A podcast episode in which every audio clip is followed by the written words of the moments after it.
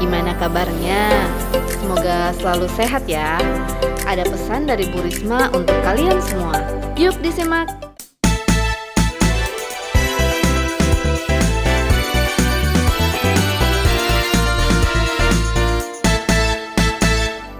untuk wargaku yang saya cintai yang saat ini kondisi sakit virus COVID-19. Kami mempunyai datanya. Saya berharap Bapak Ibu sekalian, adik, kakak, om, tante bisa mau berobat ke rumah sakit. Pemerintah kota sudah berkomunikasi dengan rumah sakit-rumah sakit untuk men menerima Bapak Ibu sekalian.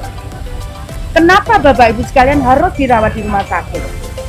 Karena kalau Bapak Ibu sekalian tidak dirawat di rumah sakit, kemudian uh, saudara kita yang di rumah itu sembuh, Bapak Ibu sekalian sakit, maka itu akan menular menular ke saudara-saudara kita yang sebetulnya dia sehat. Tapi karena dia tertular harus merawat, harus kemudian berada di dalam satu rumah, maka kemudian ikut sakit. Dan Bapak Ibu sekalian, yakinlah sebetulnya banyak sekali pasien yang sembuh.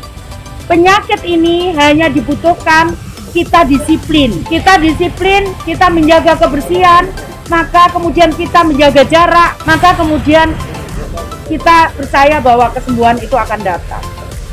Nah, tapi kalau Bapak Ibu sekalian di rumah tidak mungkin uh, ada jarak karena tadi kalau Bapak Ibu sekalian sudah kondisi sakit tidak mungkin saudara yang lain membiarkan Bapak Ibu sekalian sakit tanpa perawatan.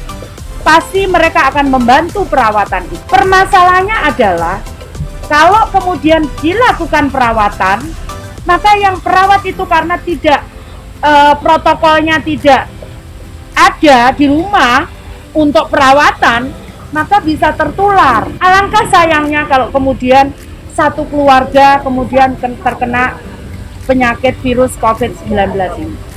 Karena itu saya berharap warga yang saya cintai, ayo kita mau berobat.